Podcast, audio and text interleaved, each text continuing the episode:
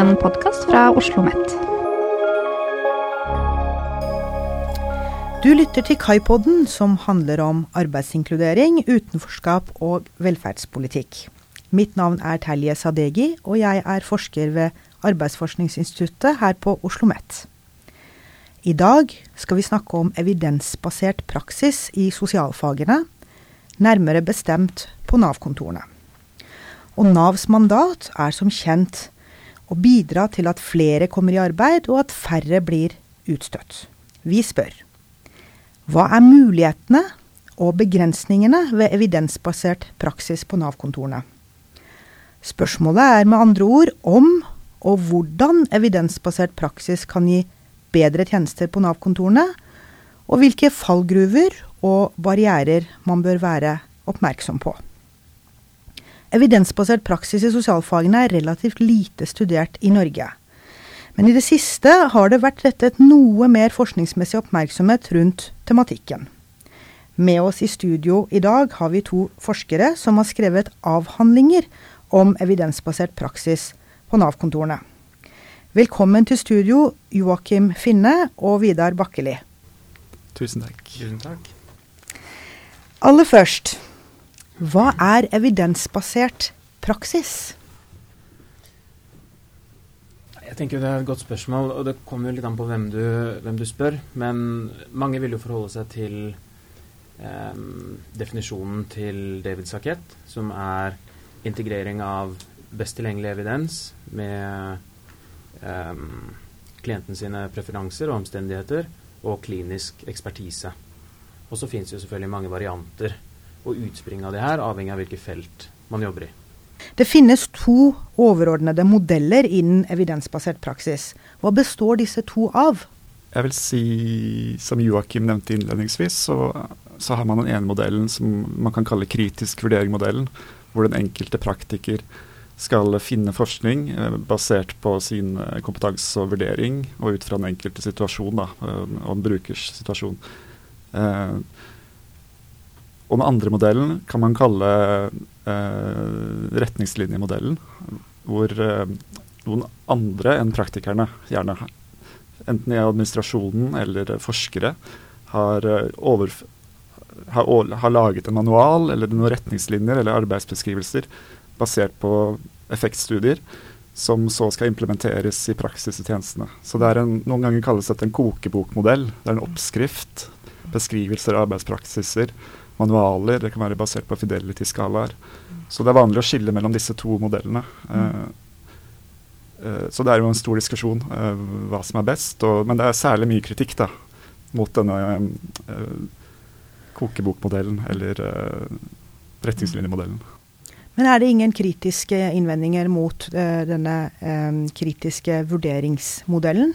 Mm, jo, altså absolutt. Jeg tenker Det er jo masse Eh, evidensbasert praksis er jo litt som en sånn vepsebol. ikke sant? Det er eh, masse innvendinger eh, mot begge modeller. Eh, og jeg kan kanskje legge til at eh, Den kritiske vurderingsmodellen kommer jo eh, som utgangspunktet for evidensbasert praksis i sosialfagene med på en måte definisjonen til sakhet. Og Her legger du til grunn at klinikerne skal vurdere f.eks. best tilgjengelig evidens da, i, en, i en sak. Um, og Her skal de se på enkelte kriterier som klinisk signifikans, eh, kvaliteten på studier osv. Og, og det er jo klart at eh, det fordrer jo eh, en del kunnskap å skulle vurdere kvaliteten på studier. Det fordrer tid.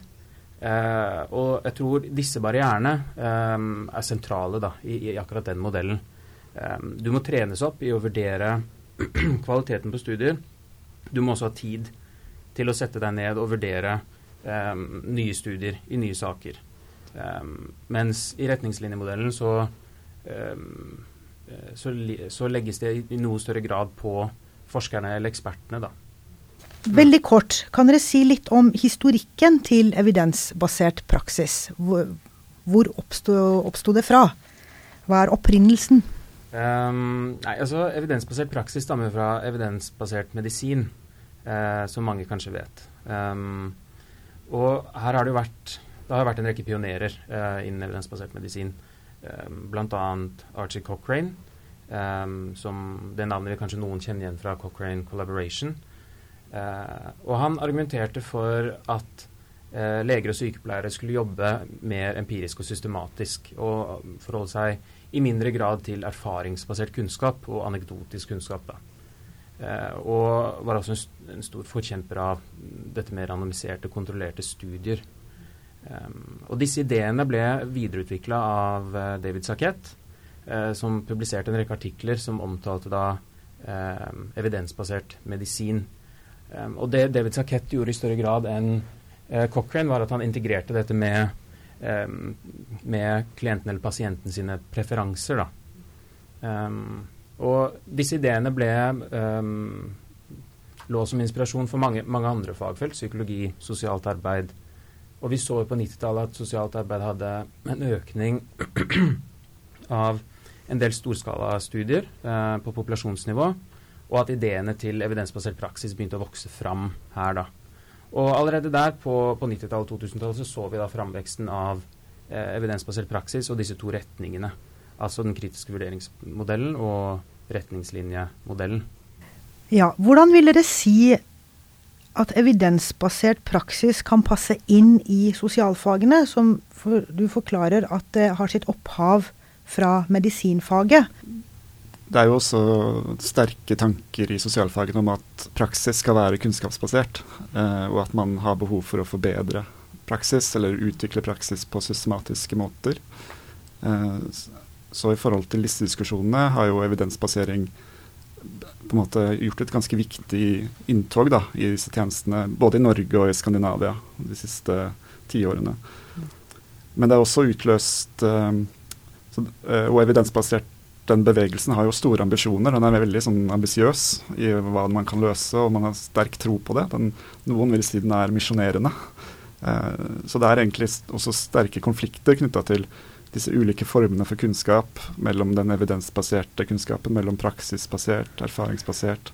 Så dette handler også om ja, hva skal man basere, hva er gyldig kunnskap, ulike syn på dette. Så det er en, en, en fortsatt pågående sterk diskusjon om disse tingene, som også pågår i hver eneste velferdsorganisasjon, vil jeg si, i direktoratene. Det er gjort studier av Nav som, som snakker om disse to kunnskapsformene, evidensbasert og praksisbasert, som liksom noen ganger framstilles som står imot hverandre.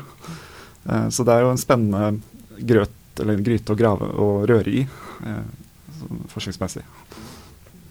Ja, så tenker jeg at eh, sosialarbeidere som alle andre um, profesjoner ønsker jo å ta de beste valgene de kan eh, for klientene sine, eh, eller pasientene sine, eller brukerne. Um, og uh, det er jo poenget med evidensbasert praksis, i hvert fall hvis man forholder seg til uh, den originale modellen at du skal forholde deg til best tilgjengelig kunnskap uh, som vi har nå, og så skal du integrere det med, eh, med klinisk ekspertise eller erfaringsbasert kunnskap og pasienten sine preferanser og omstendigheter. Så denne på en måte dualismen eller diskusjonen som Vidar trekker fram, er jeg er helt enig i, det er veldig relevant. Eh, samtidig, hvis man forholder seg til de originale ideene i konseptet, så er det ingen grunn til at disse, eh, disse tankene ikke kan integreres. Eh, at man ikke kan forholde seg til uh, den beste kunnskapen på feltet, men samtidig um, den erfaringen man har opparbeida seg som f.eks. sosialarbeider i, i Nav da, gjennom mange år. Men vil dere si at det er mer utfordrende med evidensbasering av sosialfagene enn opphavet i medisinfaget? Ja, altså, hvis man skal forske i medisinfagene, så vil jo kanskje um, omgivelsene og betingelsene være mer kontrollert enn i sosialfagene eller samfunnsvitenskapene. Og det gjelder jo også ofte psykologi, ikke sant. Um, I hvert fall sosialpsykologi. Og, ja. Så uh, det er en utfordring å gjennomføre randomiserte, kontrollerte studier, f.eks. Uh, i sosialfagene. Um, og det er vanskelig å, eh, å kontrollere for omgivelsene. Eh, det er dyre studier, eh, og det er vanskelig å, å finne kausalitet. Eh, så jeg tenker at det er en rekke utfordringer eh, med evidensbasert praksis i sosialfagene enn kontra medisin.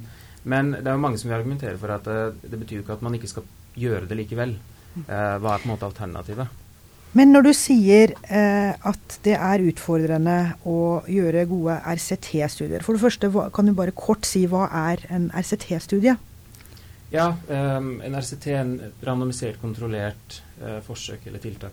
Um, det handler jo om at man skal evaluere en intervensjon, da, og så har man en tiltaksgruppe og en kontrollgruppe. Så får den ene gruppa en intervensjon, og så skal man sammenligne mellom gruppene og se på effektene av den intervensjonen. da.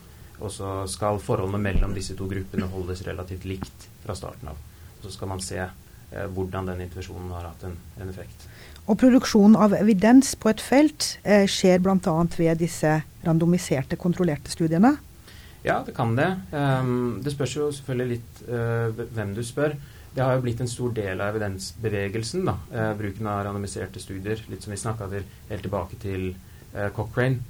Um, og metaanalyser, hvor du ser liksom på effektene på tvers av disse intervensjonene. Um, men det er jo klart at um, du kan forholde deg til andre studier enn randomiserte, kontrollerte studier også. Poenget er at du skal forholde deg til best tilgjengelig evidens. Uh, og det kan være andre typer studier uten uh, randomisering. Så uh, det du sier, er at det som gjør evidensbasering mer utfordrende i sosialfagene, er rett og slett den eh, delen som handler om kunnskapsproduksjon. At det er mer utfordrende å produsere kunnskap for denne typen fagfelt. Stemmer det? Ja, det er en av, en av delene. Jeg, tenker at det, det, er mange utfordringer å implementere evidensbasert praksis. Um, um, mangel på kunnskap er en av de, uh, at ikke vi har nok. Um, en annen barriere er jo uh, at, å få folk til å praktisere det. Um, og det kan jo sikkert Vidar snakke litt mer enn en meg om akkurat dette med um, og implementering av retningslinjemodellen. Men uh, som jeg var inne på litt tidligere, så, um, så er det jo det er klart det er utfordrende uh, å finne tid i en hektisk hverdag. Alle vet jo at det er kjempehektisk i Nav. Jeg så også på barnevernet i min avhandling. det tar tid å søke etter studier, det tar tid å evaluere de. Og det krever kunnskap å finne ut av hva som, um, hva som funker og hva Hvorfor bør Nav-kontorene jobbe evidensbasert? Jeg tenker at uh, Nav-kontorene Det er noe med denne arbeidsinkluderings... Dette arbeidet som uh, forskning uh, Det har vært mye, mye, oppmerksomhet på det, men det er fortsatt preget av en, hva skal man si, en svak kunnskapsbase. At man vet ikke helt hva som er de beste arbeidsmåtene. Og fagfolk har, eller praktikerne har veldig forskjellige bakgrunner, selv om rundt en tredel av ansatte i Nav er vel sosialarbeidere. Eh, så på denne måten tenker jeg, eller i denne retningen tenker jeg at uh, evidensbasert praksis kan være en um, nyttig eller fornuftig for å videreutvikle disse tjenestene på nye måter. Uh, og en fordel med evidensbaserte intervensjoner er at de, de, har en evne til å bryte opp eksisterende arbeidsmåter. De kan innføres ganske radikalt og, over kort tid og snu opp ned da, på praksiser, eh, som jeg bl.a. finner i min avhandling. Eh, men dette gjelder jo ikke bare Nav, det gjelder jo også andre tjenester. Altså, man har f.eks. Eh, intervensjon Housing First i boligsosialt arbeid, som også er en type retningslinjemodell hvor man kobler på Det handler ikke bare om den enkelte praktikers skjønnsutøvelse i en kommune, men det handler også om å eh, legge på det ressurser, f.eks. boliger. Intervensjonen definerer vi trenger boliger først, og så skal folk med helse, eh, psykisk helse og rusproblemer stable livet sitt på beina i boligen.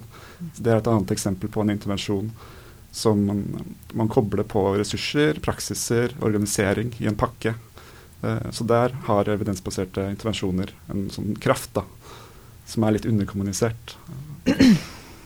Hvilke holdninger har Nav-ansatte til evidensbasert praksis i Nav?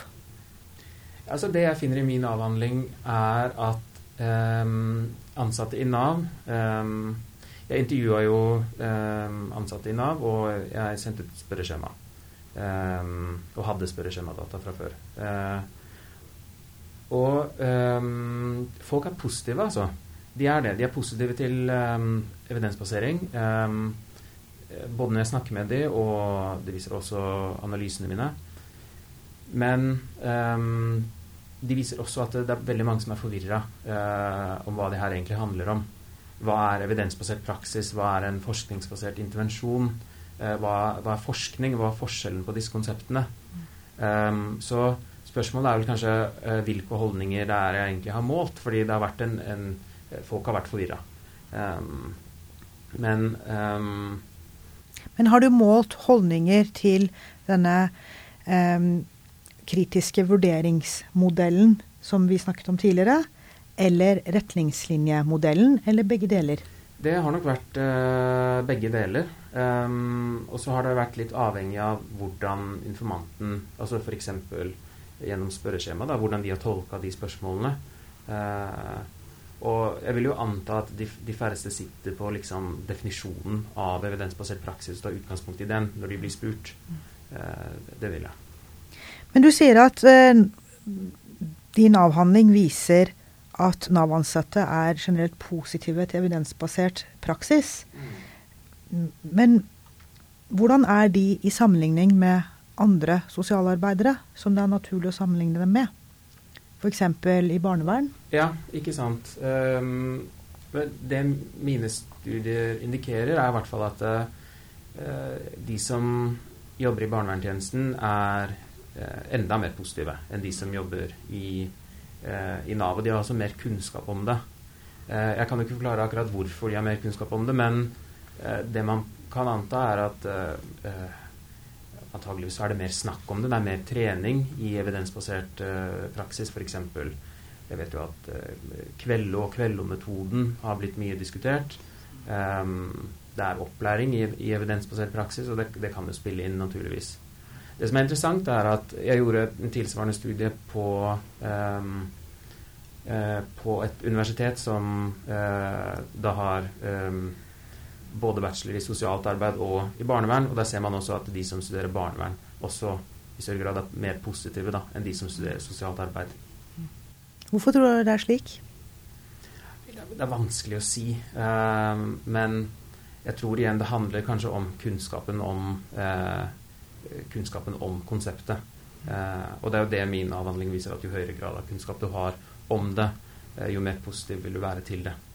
Så eh, jeg tenker at det er viktig at um, sosialarbeiderstudenter og barnevernsstudenter får god trening i de, i de konseptene her i utdanningsprogrammene. Da. Der hvor du, Joakim, har skrevet en mer generell avhandling om evidensbasert praksis på Nav og i barnevern, har du, Vidar, skrevet en mer eh, spisset avhandling inn mot én type intervensjon som mange vil betegne som evidensbasert praksis. Um, individual placement and support. Um, kan du si litt om hva dette er, altså IPS, og hvordan det kan sies å være evidensbasert praksis? Ja. Uh, IPS er jo da en tjenestemodell innen arbeidsinkludering uh, som ble utvikla i USA uh, på slutten av 80-tallet, 90-tallet. Og den har jo reist i mange land eh, over hele verden, eh, inkludert Norge og Nav. Eh, og den er da designa for å hjelpe personer med psykiske helseproblemer uten jobb over i ordinært lønnet arbeid. Eh, det innebærer å bruke arbeidsplasser som en inkluderingsarena. Eh, og den bryter med tradisjonelle arbeidsinkluderingstjenester som er mer i skjerma tiltak. Da. Så man, det er rett inn på arbeidsplassen og bruke det som en inkluderingsarena. Og Da er det jobbspesialisten som er den sentrale eh, profesjonelle da, i, det arbeidet. Som også samarbeider tett med psykisk helsetjeneste, som er integrert i psykisk helseteam. Så det er en integrert tjenestemodell mellom arbeid og psykisk helse. Og den er evidensbasert fordi den er basert på en um, kvalitetsskala. Uh, den kvalitetsskalaen består av 25 punkter som definerer nøkkelelementer da, i intervensjonen, eh, i tjenesten. Eh, og den skalaen ble utviklet gjennom flere pilot-RCT-studier i, USA, og raffinert og videreutvikla fra 15 til 25 poeng osv. Så, videre. så poenget med en kvalitetsskala er å, at den lokale tjenesten skal implementeres så nært opp til modellstandarden som mulig. At for å skape god kvalitet, for å re realisere effektene som ble eh, identifisert i effektstudiene et annet sted. Så det er en veldig ambisiøs tankegang, eh, men også interessant fordi den, det gir jo veldig retning da, for tjenesteutviklingen lokalt. Eh, Og den inkluderer også årlige kvalitetsevalueringer som skal gjøres av eksterne for å opprettholde og forbedre kvalitet. Så reiser de fra Nav-kontor til Nav-kontor. Et korps av evaluatorer som skal evaluere eh, hver tjeneste. Og dette kan sies å være, altså IPS kan sies å være en type retningslinjemodell innenfor evidensbasert praksis, stemmer det? Det stemmer. Ja. Den, har, den, har, mange styringselementer. og Det er en sterk teamlederrolle. Det er aktivitetsmålinger som måler hver spesialist, spesialist på tidsbruk bl.a. og antall arbeidsgiverbesøk i uka. Uh, og det er manualer. Uh, evalueringsmanualen er på 250 sider. Så det er omfattende, og det er uh, detaljert. Eh, og det kan også fremstå å ha blitt beskyldt for å være rigid, standardiserende eh, og kontroversielt. Men samtidig er det den mest gjennomforska eh, evidensbaserte intervensjonen, i hvert fall innen arbeidsinkludering, og kanskje innen psykisk helse generelt. Det er gjort eh, 30-40 RCT-er i forskjellige land. og en nylig kunnskapsoppsummering av Beate Brinkmann fant at IPS har om lag dobbelt så god effekt som tradisjonelle arbeidsinkluderingstjenester. Så. Men tidligere forskning har vært fokusert på hvordan denne typen manualbasering kan øke organisasjonsstyring og begrense profesjonell skjønnsutøvelse. Hva handler dette resonnementet om? Det handler om eh, særlig i sosialt arbeid-litteraturen, men også bredere enn det. Eh, man finner det samme i helselitteraturen. så er det Eh, en sterk, en dominerende kritikk da, av disse uh, retningslinjemodellene for at de standardiserer og uh, begrenser profesjonelt skjønn. Det, er en nøkkelspenning. at en enkel praktiker som har profesjonell bakgrunn, ikke får utøve skjønnet sitt i den situasjonen man står i, fordi reglene begrenser hva man kan gjøre. og det er også kritikk av uh, kunnskapssynet som ligger til grunn, at det også uh, marginaliserer andre typer kunnskap, f.eks. erfaringsbasert. Så det er, og det er også en kritikk av evidenshierarkiet for å plassere praksiskunnskap nederst, og kvalitative studier ses som lav kvalitet per definisjon. Uh, så, og det er også en kritikk av at disse intervensjonene marginaliserer brukere og forhindrer relasjonelt arbeid. Man, det er studier som kaller det deskriptivt tyranni, eller at profesjonelle blir eh, skal bare sjekke av um, i skjemaer. Uh, kritikk av assessment tools. Uh, og f.eks. fra Sverige er det en stor og sterk kritisk litteratur mot disse. Ja. Hvordan harmonerer dette med det du finner i din avhandling? Jeg har jo tatt utgangspunkt i disse studiene da jeg gikk inn i feltet, og forventa jo litt av det samme. Fordi dette var en, IPS var et eksempel på en rigid Det var et kritisk case, det er en rigid modell. Så jeg forventa å finne noe av det samme. Men det jeg faktisk fant der ute på to Nav-kontorer, der jeg studerte ledere og praktikere og, og deltakere i tjenesten, var at det de faktisk gjorde, selv om det var styringselementer og de ble kontrollert på tid, tidsbruk, så handla det mer om å komme seg mest mulig ut av kontoret.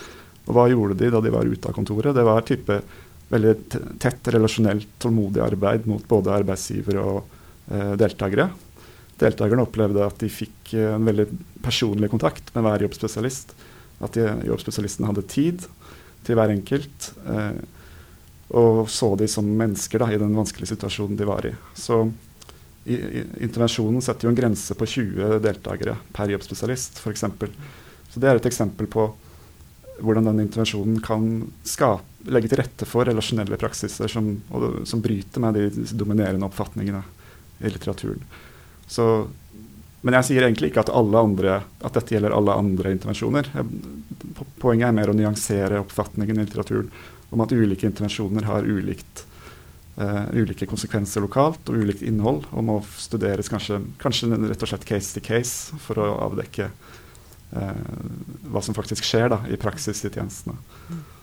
Hva var det som vanskeliggjorde implementering av IPS på Nav-kontorene?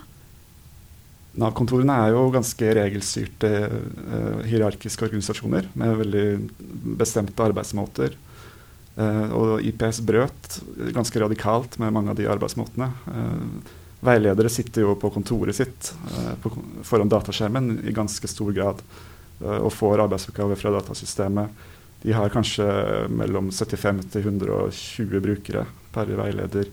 De skal egentlig i stor grad Eh, de skal gjøre assessments eller vurderinger etter standardiserte opplegg, og de skal uh, videresende brukere til eksterne tiltaksleverandører. Mens IPS, sånn som det har blitt implementert, var jo en integrert tjeneste i Nav-kontoret. Uh, som også har viktige sånn, politiske dimensjoner fra, fra, eksternt til internt. Uh, og det var et mye tettere, mer relasjonelt oppfølgingsarbeid da, som IPS innebærer. Og de som jobber med IPS, er veldig opptatt av at de de fremmer et annet syn på den enkelte deltaker. De er opptatt av IPS bygger jo også på supporter employment og sosial inkluderingstankegang. Eh, og recovery-tankegang om at den enkelte deltakers eget syn på eget liv er det sentrale. Og man må jobbe ut fra den enkelte situasjon. Eh, og man må se på ressurser osv. Eh, men også ta den enkeltes opp- og nedturer eh, som bare en del av arbeidet. Eh, så de mente de jobba veldig på tvers. Disse lederne og jobbspesialistene så seg selv som eh, jobber på tvers av verdier i Nav-systemet, faktisk. Eh, som var interessant. Og de ville liksom endevende Nav, var litt følelsen. Så avslutningsvis. Eh, nå er målet om økt evidensbasering på Nav-kontorene noe kontroversielt. Men dersom det er et mål å øke evidensbaseringen, hva må til?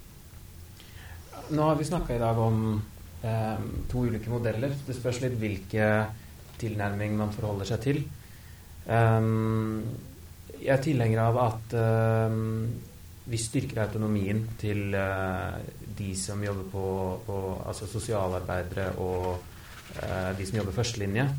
Og jeg tenker at for å skulle implementere den originale forståelsen av um, evidensbasert praksis, jf. Sakett, så er det viktig at vi trener opp sosialarbeidere til å kunne kritisk vurdere forskningslitteratur. Um, og uh, at vi har um, ledere og managers som, som, kan bistå implementering av det her.